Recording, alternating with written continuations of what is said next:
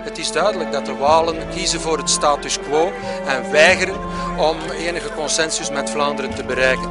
De velden rond Yper, waar 100 jaar geleden miljoenen soldaten omkwamen. We zijn hier uh, vandaag om te betogen uh, tegen het regeringsbeleid. Het lijkt er vredig nu, maar boeren weten dat het gevaar van de oorlog nog altijd in de grond zit. Welkom bij de tweede aflevering van Albanië tot Zwitserland. Uh, we zijn aangekomen bij onze zuidenburen, België. Even de Graaf, goedemiddag. Goedemiddag, Erwin.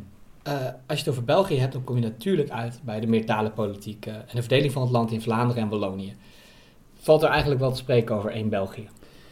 Nou, ik heb vrienden in België zitten en uh, ja, die hebben dan toch wel het steeds over een verenigd België, maar ze weten dat het echt een land is dat aan elkaar hangt van allerlei compromissen. En dat heeft alles te maken natuurlijk nog weer met de 80-jarige oorlog dat uiteindelijk op een gegeven moment in 1579 uh, de Unie van Atrecht, de Unie van Utrecht, die splitsing is gekomen. En dan binnen dat land natuurlijk nog weer die splitsing tussen de Walloniërs, de Walen en de, de Vlamingen. Wat dat betreft weten ze dat ze echt met uh, heel veel problemen te maken hebben. En om het nog moeilijker te maken, je hebt ook nog een, na de Eerste Wereldoorlog een hoekje in het oosten van uh, België, Eupen-Malmedy, wat ook nog Duitsstalig is en 100.000 mensen. En wat denk je van Brussel? Eigenlijk ook een eiland midden in, in België, wat een eigen koers vaart en uh, eigenlijk een, uh, ja, een eiland is in, uh, in België. Een hele part. Dus ze hopen dat het echt allemaal bij elkaar blijft. Maar als je ook ziet in bepaalde partijprogramma's staat gewoon, we willen een onafhankelijkheid hebben. Ook met name Vlaams Belang en Nieuwe Vlaamse Alliantie. Die hebben dat duidelijk gewoon in het partijprogramma staan. We willen een onafhankelijkheid. Dus wie weet wat er ooit nog eens een keer gaat gebeuren. Dat de Walen zich aansluiten bij Frankrijk en de andere uh, de Vlamingen bij ons land. Ik denk voorlopig nog niet, maar dat zou kunnen. Ik heb ook een Belgische vrienden die hebben wel ooit gezegd tegen mij: uh, alles best, maar we sluiten ons nooit meer aan bij Nederland. Nou, zie, dat dus, heb je ook. Ja. Dus uh, we zullen, we zullen ja. zien. Maar laten we even teruggaan naar, naar 1814, want in die tijd was Vla Vlaanderen of België onderdeel van, van het Koninkrijk der ja, Nederlanden. Klopt. Um, maar vooral in het zuiden waren ze daar niet heel erg blij mee. Hè? Vooral niet met Willem I. Hoe Klopt. kwam dat? Ja, koning Willem I was uh, een zeer autoritair vorst. Die is pas in uh, 1813 is hij teruggekeerd uit Engeland. En die werd in Scheveningen op een uh, kar werd hij echt uit zee opgehaald. En is toen uiteindelijk dus gekroond tot koning. En toen had je net natuurlijk de toestanden gehad rond Napoleon, de Napoleontische oorlogen. En toen kregen dus de vredesbesprekingen in 1815. Toen vond men, de grote geallieerden, Engeland Frankrijk, uh, in mindere mate die was natuurlijk te verliezen, maar ook Rusland en uh, Pruisen, Duitsland, dat er een heel sterk land moest komen uh, ten noorden van Frankrijk om dat land in te dammen. En toen hebben ze gezegd, om een bufferstaat te maken, moeten inderdaad dan de zuidelijke Nederlanden en ne Nederland dan, de noordelijke Nederlanden, gewoon tot één land samengevoegd worden. België en Nederland samen in het Koninkrijk der Nederlanden. Eigenlijk dat door de grote mogendheden die toen afloop in Wenen dat allemaal besloten hebben, bekokstoofd. En, maar heel, een heel lang leven was dat niet uh, gegund, hè? Absoluut niet, want uh, je begon net al, uh, koning Willem I was een zeer autoritair man. En hij was natuurlijk protestant, wat vele katholieke Belgen ook tegen de borst stoten. Hij was een, eigenlijk ook een, een, tegenstander van vrijheid van godsdienst. Hij heeft ook het katholicisme behoorlijk aangepakt, want hij vond dat een splijtswam, ook in België. Hij heeft kleinseminaars gesloten en dat soort zaken meer. Dat wekte natuurlijk heel veel wrevel. En wat ook uh, veel uh, wrevel opriep, was dat uh, toen er een Eerste Kamer kwam, we hadden al een, een, Kamer in Nederland en er kwam toen opeens een Tweede Kamer bij. Je had de Tweede Kamer waar het volk in zat en de Eerste Kamer zaten politieke vriendjes van de koningin, de adel, voor het leven benoemd door hem. Dat was de bolwerktheorie, even een, een, zijsprongetje. Als er ooit een revolutionaire gedachte leefde in de Tweede Kamer van Belgen en Nederlanders van we gaan de koning afschieten, dan moest het ook nog passeren in de Eerste Kamer. Daar zaten ze vriendjes en die hielden dat dan tegen. Maar in die Tweede Kamer zaten dan uh, 110 mensen, 55 uit Nederland en 55 uit uh, België. Maar België telde toen veel meer inwoners. Nu is het net andersom. Ik meen dat België 2,5 miljoen inwoners uh, telde. In Nederland veel minder. Ik denk dat we toen zo rond 1,5 miljoen zaten uit mijn hoofd hoor. En die waren daar totaal geen voorstander van. En een ander punt was, wat ook meteen besloten werd, dat uh, amalgama wordt dat genoemd, dat de staatsschuld van uh, en Nederland en België samengevoegd moest worden. Nou had uh, in 1815 had Nederland een staatsschuld, schrik niet, vanwege de Napoleontische oorlogen, waren helemaal leeggezogen door de Fransen. 1800 miljoen gulden en de Belgen maar 27 miljoen. Dus als dat gemixt werd, dat was zeer nadelig natuurlijk voor de Belgen. En vandaar dat ze ook door... Met name ook dat de vrijheid van meningsuiting, de vrijheid van godsdienst in het gevaar was, uh, echt steeds meer kritiek hadden op het beleid van koopman koning Willem I. En dat resulteert uiteindelijk in 1830 in, in de Belgische revolutie. Ja. Um, um, dat komt na al die verschillende revoluties in, in Frankrijk, die soort van golf over heel Europa. Overal wordt het neergeslagen, behalve in België. Waarom niet? Ja, het is wel uh, gepoogd hè, door uh, de Nederlanders om daar echt ook uh, troepen in te zetten. En we weten allemaal dat er een tiendaagse veldtocht is geweest van 2 tot en met 12 augustus 1831. En toen hadden de Nederlanders echt behoorlijk de overhand. En bijvoorbeeld ook in Brussel is toen echt hard opgetreden door de Nederlandse militie. En er zijn, schrik niet, 437 doden gevallen. En een ander moment dat de doden vielen, dat was op 5 februari 1832, toen besprongen een aantal opstandelingen in de haven van Antwerpen. Daar lag een kanoneerboot in de Schelde van de Nederlanders. En die besprongen die boot en die dachten die boot in handen te krijgen. En toen had je Van Spijk, die is later uitgeroepen tot nationale held. Die dacht dat uh, zal ons nooit overkomen. En wat heeft hij toen gedaan? Hij heeft sigaar aangestoken. Die is naar uh, de kruidkamer toegelopen. En die heeft daar uh, echt de sigaar bij de lont van het kruidvat gehouden. En dat is een enorme explosie geworden. Waarbij van, ik meen de 33 opvarenden er zeker zo'n 28 zijn omgekomen. Dus er vielen best wel doden. Maar uiteindelijk werd er ook met name door Engeland ingegrepen en andere mogendheden, grote mogendheden van uh, Nederland. Uh, jullie moeten dan toch inderdaad afzien van verder geweld. En eigenlijk is het misschien wel beter dat, en dat heeft dan nog jaren geduurd tot 1839, dat de zuidelijke Nederlanden toch weer een onafhankelijke staat worden. Ja. Want Engeland en de andere mogendheden die kwamen ja. wel achter dat het niet zo heel goed plan was om Vlamingen en Nederlanders ja. in, één, in één hok te zetten. Klopt. Um, um, daarna krijgt in eerste instantie het Frans de bovenhand. Hè? Natuurlijk in Wallonië, maar ook, ook de Vlaamse adel. Ja. Um, dat, dat vond ik opvallend. Nee, nee, dat is helemaal niet opvallend. Bij alle vorstenhuizen en uh, zelfs bij de adel ook in Nederland. Ik heb pas nog een artikel geschreven over een, uh, een paar jongens bij ons in, in Putten. Uh, en die, de ene is overleden in 1965, de andere in 1991. Maar als ze brieven schreven naar elkaar en naar de familie, gebeurde het in het Frans. En de koningin, ben bezig met een lezing over Wilhelmina, nou, die sprak ook heel veel Frans. Dat was toen de voertaal aan het hof, bij de adel, bij de gegoede burgerij, de bourgeoisie. Dat was een, uh, ja, wat nu uh, de lingua franca, uh, wat nu Engels is, dat was toen Frans. En het Vlaams, dat was voor de arbeiders? Ja, dat was voor de arbeiders. Ja. ja. Um, Misschien wel heel leuk, dat is, dat is een, een, een leuk feitje om dat nog te, te vermelden. Um, die Belgen, die wil dus eigenlijk uh, ja, hun vrijheden hebben. En wij kennen nu tegenwoordig WWW, hè, World Wide Web. Zij hadden de vier W's. Het is misschien wel leuk om dat te citeren. In die periode speelde het rechten in de opstand tegen uh, onze koning. Wat betekent die vier W's? Wij willen Willem weg. Wilde Willem wijzer worden, willen wij Willem weer. Maar hij wilde niet wijzer worden, dus uiteindelijk hebben ze zich toch uh, vrij weten te vechten. Dat is een, een, een mooie leus. Ja. ja. Hoeveel granaten er nog in de Vlaamse velden liggen, weet niemand. De boeren kijken er niet meer van op en dus vind je ze echt overal. Vaak zijn het landbouwers, aannemers of onbezonnen verzamelaars die de springtuigen vinden. Laten we even een kleine sprong maken, want, want we komen op een gegeven moment bij de Eerste Wereldoorlog uit. Een, uh, een kleine eeuw later.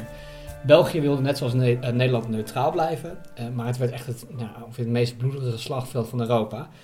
Waarom lukte het België niet net zoals Nederland om neutraal te blijven? Dat heeft alles te maken met een plan dat al op het eind van de 19e eeuw door een zekere uh, generaal von Schlieven, Alfred von Schlieven, werd het uh, opgesteld. Duitsland lag helemaal eingekruist, zoals ze het noemden, ingesloten. Aan de ene kant Rusland, aan de andere kant Engeland. En uh, toen heeft die von Schlieven gedacht, als er nou een oorlog komt, wat moeten we dan doen? Dan moeten we ons eerst concentreren op de sterkste vijand, dat is Frankrijk. En als we die in een hele snelle oorlog, een blitzkrieg, weten te verslaan in zes weken, dat onmetelijk grote Russische rijk, dat heeft echt wel twee maanden nodig om te mobiliseren. Dan hebben we nog net tijd om de troepen over te plaatsen naar uh, uh, Rusland, om daar dan de Russen te bevechten. En om dan de verdedigingslinies van uh, met name ook uh, Frankrijk te passeren. En die hadden daar een verdedigingslinie gegraven. Wilden ze die linie omzeilen door via Nederland en België langs de Noordzee met een grote veeg de Fransen eigenlijk via Parijs in de rug aan te vallen. En uiteindelijk, toen die uh, Slieven uh, wegviel, die was, uh, die was oud geworden, die is in 1905 opgestapt. En die werd opgevolgd in 1906 door een zeker generaal van Moltke. En die heeft het plan aangepast. Die zegt, ik heb te weinig divisies om dat hele plan ook meteen Nederland te bezetten. ik moet me concentreren op een inval, wat de Fransen niet verwachten, via België. Nou, Nederland maar eigenlijk niet links liggen, maar rechts liggen. De Belgen die, uh, die ontkwamen er dus niet aan en, en dat werd een, een verschrikkelijke slag. ja, een verschrikkelijke slag. Uh, hoe komt het dat, dat, dat, dat het ja, zo enorm bloederig is geworden? Nou, die, dat plan Schlieffen dat mislukte vanwege het feit A, dat de Belgen veel meer weerstand boden dan de Duitsers gedacht hadden. Die dachten, nou, het Belgische leger, dat stelt niks voor. Maar die hebben echt uh, zich met, ja, mannen moed hebben zich, uh, met, met lijf en goed hebben zich verdedigd tegen de aanvallen van de, van de Duitsers. Bovendien, toen België werd aangevallen in 1839, toen uh, België de onafhankelijkheid echt bij een conferentie kreeg toegewezen, had grote mogelijkheid Engeland gezegd: jullie kunnen rekenen op onze steun als een land jullie neutraliteit schendt, zullen wij jullie terzijde staan. Hadden de Duitsers niet op gerekend. Nou, in ieder geval, in plaats van dat het een blitzkrieg werd, werd het een zietskrieg, een loopgravenoorlog. En bijna heel uh, België werd onder de voet gelopen, alleen bij de Westhoek, bij de IJzer, bij Yper, bij uh, enzovoort. Dat was een kleine hoek tegen de kust aan, die in handen bleef van het Belgische leger, waar ook de geallieerden lagen. En eigenlijk zijn in vier tijd die fronten bijna niet opgeschoven. Dat is een verschrikkelijke oorlog geweest met miljoenen slachtoffers. En nu, nu zie ik af en toe nog wat, dat, dat las ik onlangs ergens, dat er nog steeds slachtoffers vallen van die Eerste Wereldoorlog, omdat er overal nog munitie ligt die ontploft. Uh. Absoluut. Ik ben pas nog weer in België geweest. Ik ga regelmatig ook uh, naar Ypres toe en uh, ook altijd een bezoekje brengen. Ook in Perron in Noord-Frankrijk heb je een heel mooi museum trouwens, in Ypres ook, over de Eerste Wereldoorlog. En dan hangen daar krantenknipsels dat er inderdaad weer bij ploegwerkzaamheden opeens een boer met zijn ploeg op een mijn of op een granaat is gestuurd met alle nadelige gevolgen van dien. Dus er vallen heel af en toe, nu veel minder dan een aantal jaren terug, maar er vallen nog steeds uh, slachtoffers. En als je er rondrijdt, nou bij sommige boeren erven zie je nog gewoon van die oude granaathulzen opgestapeld liggen. Echt bizar. Ja. Heel apart. En nu is het, in Engeland kennen we het als, als The Great War. In, in Nederland is het natuurlijk veel minder. Er is veel meer die aandacht op de Tweede Wereldoorlog. Hoe is dat in België? In België en in Engeland, dat is nou, eigenlijk speelt die Eerste Wereldoorlog een veel grotere rol nog dan de Tweede Wereldoorlog. Want dat heeft zo'n gigantisch impact gehad. Wat toen voor de mensen gesneuveld zijn aan het westelijk front in de Eerste Wereldoorlog. Dat is een geweldig groot verschil, ondanks de moderne technieken die ze hadden in de Tweede Wereldoorlog. Maar er zijn veel meer mensen gestorven aan het westelijk front in de Eerste Wereldoorlog dan in de Tweede Wereldoorlog. En het heeft alles te maken ook met die loopgravenoorlog, waar nieuwe wapens werden ingezet als bijvoorbeeld het gifgas voor het eerst bij Iper. Iperiet werd het ook genoemd. Je kreeg uh, voor het eerst ook dat uh, de machinegeweren hun intrede deden. Nou, ze hadden zich ingegraven en als ze dan over de top, over de helling klommen van de loopgraven en ten aanval trokken in het uh, niemandsland, dan werden ze weggemaaid door de machinegeweren. Maar je kreeg tanks, je kreeg vliegtuigen die allemaal werden ingezet in de Eerste Wereldoorlog. En dat heeft vlammenwerpers niet te vergeten. Dat heeft ertoe geleid dat er dus echt duizenden, duizenden mensen zijn omgekomen. Nutteloze slachtingen hebben daar plaatsgevonden. Hele generaties is daar weggemaaid van Belgen en van Engelsen. Uh, wat is de invloed daarvan op het nationaal bewustzijn van de Belgen? Oh, dat speelt nu nog. Die, die Eerste Wereldoorlog, dat is uh, heel apart hoe die nog speelt, ook uh, bij de gewone Belgen. Je, je, zag toen ook al dat er toch ook in de Eerste Wereldoorlog een aantal mensen waren, die in politici ook, die toen al het idee hadden van een groot Duitsland. Er zijn zelfs mensen geweest echt in, Bel in België, die dachten we moeten eigenlijk inderdaad misschien wel gaan samenwerken met de Duitsers. Het zijn uiteindelijk ook Germanen, ook eigenlijk uh, uh, tot die bevolkingsgroep waar ook wij toe behoren. Maar we moeten misschien samengaan ook met uh, Nederland, een groot Duitsland, waar dan ook Zuid-Afrika bij hoorde en al dat soort dingen meer. Een groot dat, een Duitsland? Ja, Duitsland werd genoemd. Waarom Duitsland? Ja, dat is dan, Diets is een oud woord, iemand iets Diets maken, iets wijs maken. Dat is Nederlands eigenlijk. Uh, Duitsland, dat heeft uh, Duitse bloed stroomt ons door de aderen, heeft er ook uh, mee te maken. Dat komt er ook een beetje vanaf. Het is wel Duitse invloeden, maar het heeft wel degelijk te maken met alle, waar we het in de vorige uitzending over hebben gehad, alle ja, Nederlands sprekende mensen samen in één rijk. En dat zie je met name ook bij de Tweede Wereldoorlog weer de kop opsteken, ook hier in Nederland tevoren met Mussert enzovoort, die die idee ook had. Maar ook Ferdinand verbond van Diets Nationaal Solidaristen in België zie je het ook. En die werken dan om dat te organiseren, zelfs samen met de Duitsers. En de Wallonen moesten er weer helemaal niks van hebben. En dat heeft natuurlijk weer tot meer tegenstelling geleid tussen die twee bevolkingsgroepen. Want dat Groot-Duitsland, dat speelt alleen maar in Vlaanderen en echt niet bij de, uh, bij de Walen. Want die Walen die hebben, vermoed ik zomaar, iets meer met Frankrijk. Die hebben veel meer met Frankrijk op, ja. Um, nou, dan, dan loopt die oorlog gelukkig af. Um, laten we even een kleine sprong maken naar de Tweede Wereldoorlog. Um, nou goed, daar hebben de kleine landen eigenlijk gewoon niet zoveel te vertellen gehad, toch? Tegen, tegen de Duitse opmars. Rotterdam was gebombardeerd. Nederland was eigenlijk in nood ingenomen. Uh, hoe is dat in België gegaan? En wij moesten dus na een dag of vier, vijf capituleren. Maar de Belgen, die hebben, vergis je niet, die hebben het 18 dagen lang volgehouden. Die hebben echt, uh, wat uh, Duitsland hekkenschützen noemde, met een soort guerrilla, sluipschutters, hebben ze de opmars weten te vertragen enzovoort.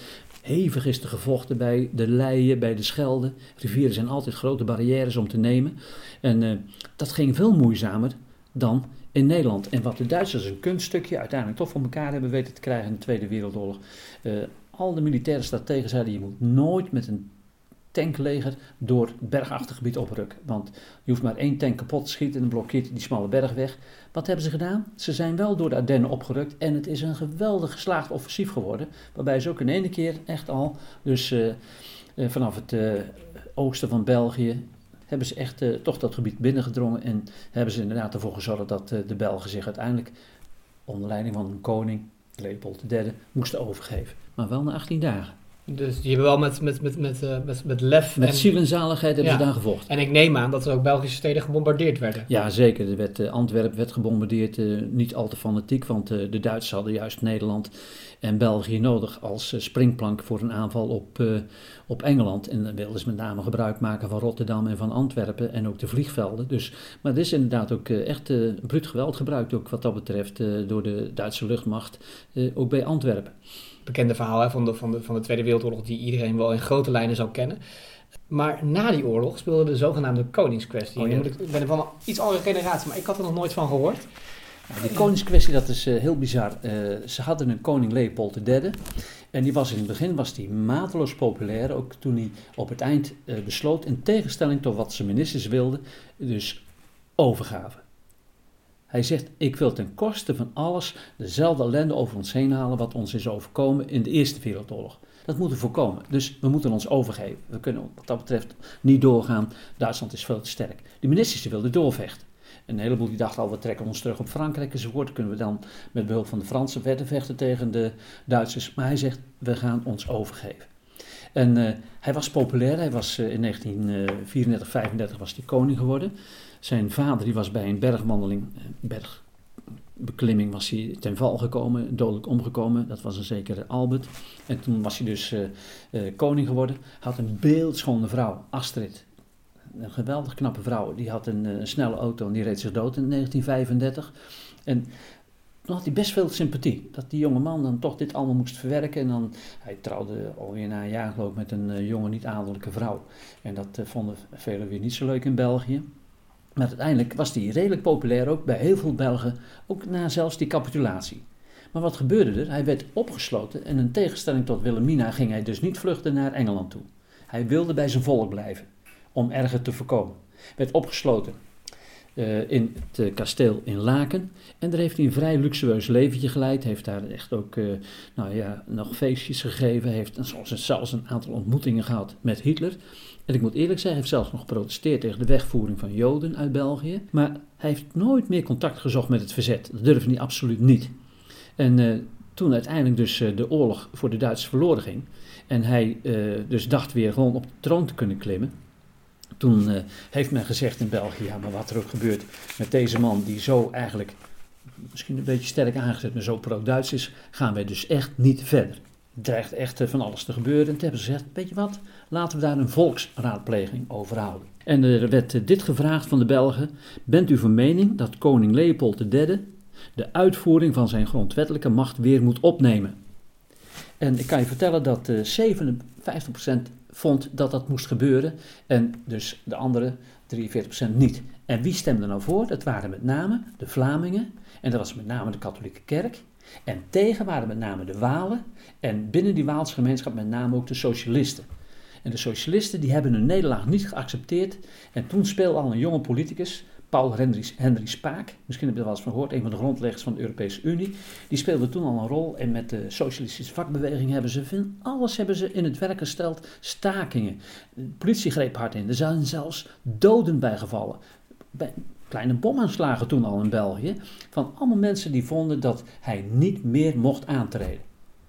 En dat heeft de gemoeder zo hoog doen opjagen dat ze dachten, nou jongens, met uh, al deze ellende die we nu hebben gehad, kan deze man nog eigenlijk wel koning blijven. Ja. Maar één probleem, die had een zoon, en die zou dan de gedoodverfde opvolger zijn, dat was Boudewijn.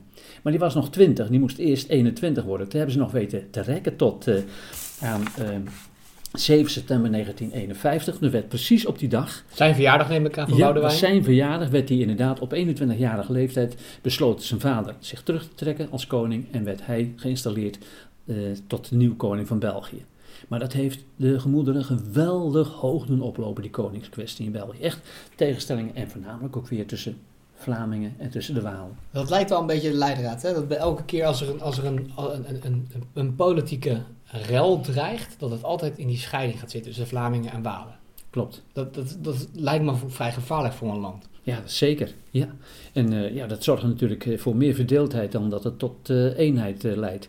En dan, nou ja, als je dan weer doorsteekt naar de huidige tijd, dan zie je dat er bepaalde partijen opkomen in, in de jaren 80 en ook in, en later nog weer in, in begin jaren 90 als Vlaams Blok en hoe heet ook weer Nieuwe Vlaamse Alliantie. Nou, dat zorgt ook weer voor scheuringen, zelfs in het Vlaamse gedeelte. Van voor- en tegenstanders die daar totaal niet mee eens zijn wat ze eigenlijk allemaal willen. Zelfstandigheid voor Vlaanderen. Dus uh, een en al tegenstelling. En de Belgen zijn meesters in het sluiten van compromissen. En ik hoop dat ze inderdaad uh, dat uh, nog weten te rekken. Maar er zijn Belgen die denken, het gaat een keertje fout. Maar um, dan is er eigenlijk natuurlijk het sluiten van compromissen om tot een, een werkbaar land te komen. Dan is het uiteindelijk natuurlijk volstrekt logisch dat de Europese Unie zijn hoofdkantoor in Brussel heeft. Ja, dat is ook nog zo'n uh, ja, hete aardappel die in de keel zit van veel Belgen. Uh, natuurlijk vinden ze het aan de ene kant heel fijn dat Brussel het uh, centrum van Europa is. Aan de andere kant heeft Brussel zoveel vrijstellingen, zoveel ja, aparte bevoegdheden dat ze denken, hoort het nog wel bij ons land? Uh, dat is echt een heel apart gebeuren in België. Ze kijken echt met scheve ogen ook naar die stad toe. Maar ik denk toch wel uh, dat met heel veel moeite, uh, een van de laatste kabinetsformaties heeft bijna wat een jaar geduurd. En uiteindelijk zijn ze er weer uitgekomen. En nu is er dan weer een regering. Vraag me even niet wie de premier... Ja, Michel is nu de premier. Doet het redelijk goed. Dus op het ogenblik hebben ze natuurlijk weer de economische wind mee. Ik denk dat het redelijk goed gaat op het ogenblik in België. Het klinkt een beetje als een houtje-touwtje constructie die toch al wel heel lang uh, in stand blijft. Ja, nou, dat is een leuke formulering. Ja. Dankjewel, daar houden we het uh, voor vandaag bij. Ja, dit was uh, van Albanië tot Zwitserland, de aflevering België. En volgende week dan, duiken we, dan gaan we weer naar de Balkan, want dan duiken we in Bosnië. Tot dan.